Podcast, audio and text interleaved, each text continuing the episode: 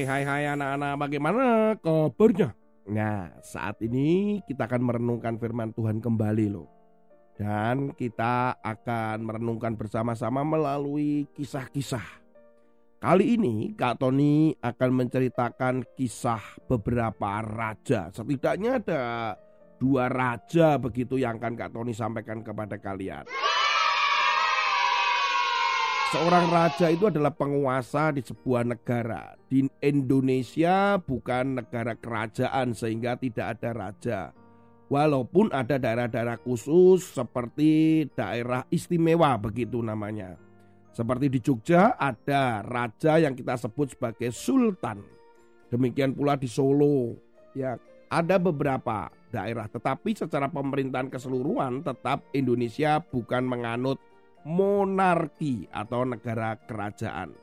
Di dunia ini ada beberapa negara yang menggunakan monarki sistemnya, yaitu dalam bentuk kerajaan.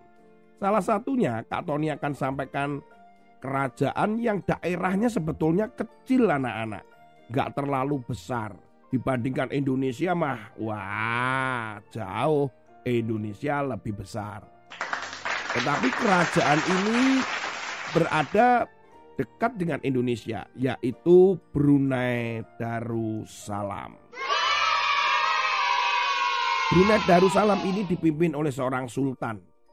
Namanya adalah Hasanah Bolkiah. Nah, sultan ini ternyata memiliki nama yang begitu panjang anak-anak. Kalau disebutkan di sini ya dicobalah Kak Tony akan mencoba menyebutkan di sini dah. Oke. Nama dari Sultan Hasanah Bulkiah ini adalah ke bawah Duli yang Maha Mulia Paduka Seri Baginda Sultan Haji Hasanal Bolkiah Muizzaidin Wadaullah Ibni Almarhum Sultan Haji Omar Ali Saifuddin Sa'adul Khairi Wadin Sultan dan yang dipertuan negara Brunei Darussalam. Panjang banget ya. Tetapi sebenarnya cuman disebut Hasan al -Bukiah. Ini Sultan ini luar biasa sekali anak-anak. Dia memiliki sebuah istana yang sangat besar. Dan istana ini termasuk dicatat di dalam Guinness Book of World Record sebagai istana yang juga termasuk besar sekali. Nilai daripada istana ini sendiri 1,4 miliar dolar Amerika. Uh. Ada berapa kamar? Istananya ada 1788 kamar anak-anak. Wih banyak sekali ya. Dan di antaranya terdiri dari 650 kamar yang mewah sekali. Dan 257 kamar mandi. Kalau mandi rame-rame cepat sekali ya. Ada ruang pertemuan yang mampu menampung 5.000 tamu. Dari semua itu juga ada tempat ibadah yang mewah di situ. Ada tempat parkir di situ yang bisa menampung 5.000 mobil. Ih, banyak sekali. Istana yang bernama Nurul Iman ini disebutkan luasnya bisa mencapai 200.000 meter persegi. Karena hobinya Sultan Hasan waktu kecil itu adalah dengan kuda poni sampai dia mempunyai koleksi kuda poni lebih dari 200 kuda poni di istananya. Wah. Dan kuda-kuda poni itu diimpor langsung dari Argentina. Bahkan apa yang pernah dilakukan dia adalah pada saat dia ulang tahun ke-50 dia pernah membangun, membangun loh ini bukan sewa loh membangun stadion yang sangat besar dan mengundang bintang tamu saat itu adalah Michael Jackson untuk menjadi hadiah bagi dirinya sendiri dan Michael Jackson diminta untuk nyanyi juga di situ kan. Untuk mendatangkan Michael Jackson sendiri, dia harus merogoh koceknya 17 juta US dollar. Wow, wow, wow. Raja kaya begini yang luar biasa penuh dengan emas gemerlap. Tapi Katonnya kan tunjukkan lagi beda dengan Ratu Elizabeth. yaitu ratu yang paling tua berkuasa di dunia. Ratu Elizabeth ini menjadi ratu atau diangkat menjadi ratu ketika berusia 26 tahun di tahun 1952. Sementara sampai hari ini Kak Tony memberikan rekaman ini, usia daripada Ratu Elizabeth sudah 96 tahun. Dan dia sudah memerintah sudah 70 tahun di Inggris. Wah, dia adalah pemimpin dunia yang paling tua dan paling lama menjabat. Ratu Elizabeth ini berbeda dengan Sultan Hasanah Bolkiah. Karena dia sejak kecil ketika dia umur 13, umur 14 tahun saja sudah menunjukkan kepemimpinannya dan bagaimana kepeduliannya. Ketika Perang Dunia Kedua pecah pada tahun 1939, waktu itu Ratu Elizabeth belum menjadi ratu, dia masih kecil umurnya 13 tahun. Dia mohon kepada ayahnya untuk membantu pasukan pertempuran. Wih, luar biasa sekali ya kan masih kecil.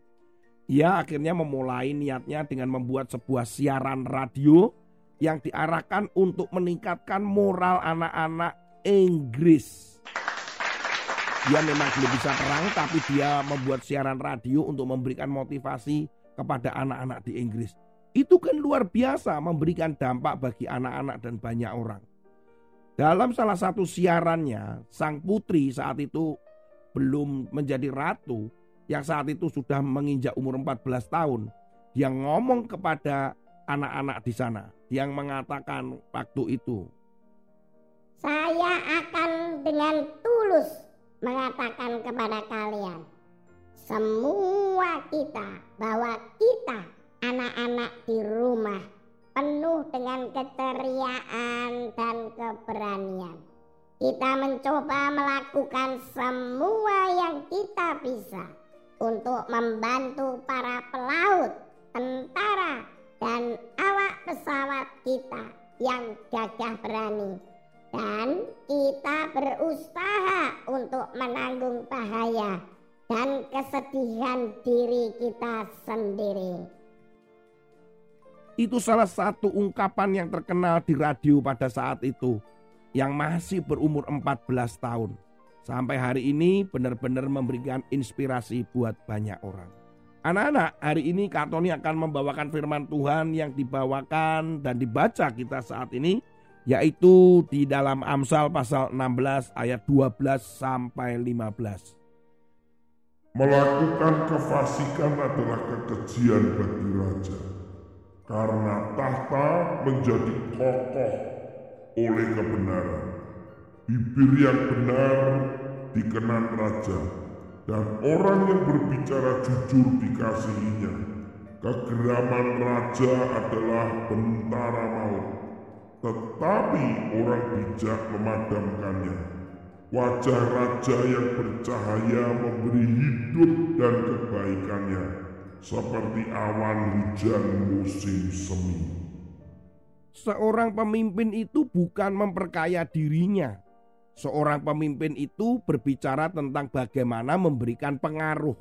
Kak Tony selalu mempercayai bahwa pemimpin itu memberikan pengaruh. Contoh Yesus. Yesus itu adalah sosok juga pemimpin. Selain dia Tuhan dan dia adalah Allah.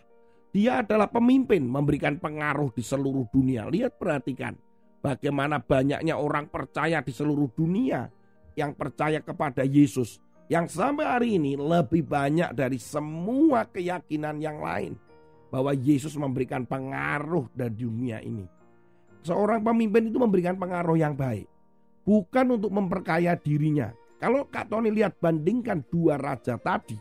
Bahwa yang satu memperkaya dirinya dengan glamor, dengan kekayaannya dipamerkan, dengan membangun stadion hanya demi ulang tahunnya, mengundang pembicara juga yang sangat mahal. Bagaimana istananya begitu besar dan luas dan bertatahkan banyak emas.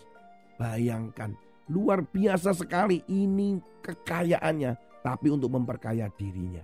Berbeda dengan Ratu Elizabeth, bagaimana dia memberikan pengaruh di Inggris untuk anak-anak, untuk rakyat Inggris. dia berani rela berkorban, bahkan dia satu-satunya dalam sejarah yang dia ikut terlibat di dalam perang juga. Ini benar-benar luar biasa loh anak-anak. Ini memberikan pengaruh, memberikan contoh. Jadi kalau kalian menjadi pemimpin, ah saya bukan pemimpin Kak Tony. Kalau kalian itu berada di masyarakat, di sekitarmu dengan teman-temanmu, jadilah orang yang memberikan pengaruh yang baik. Dapat diteladani, dapat dilihat bahwa oh ini loh orang percaya Yesus itu. Oh ini loh orang Kristen itu. Oh ini loh yang takut akan Tuhan.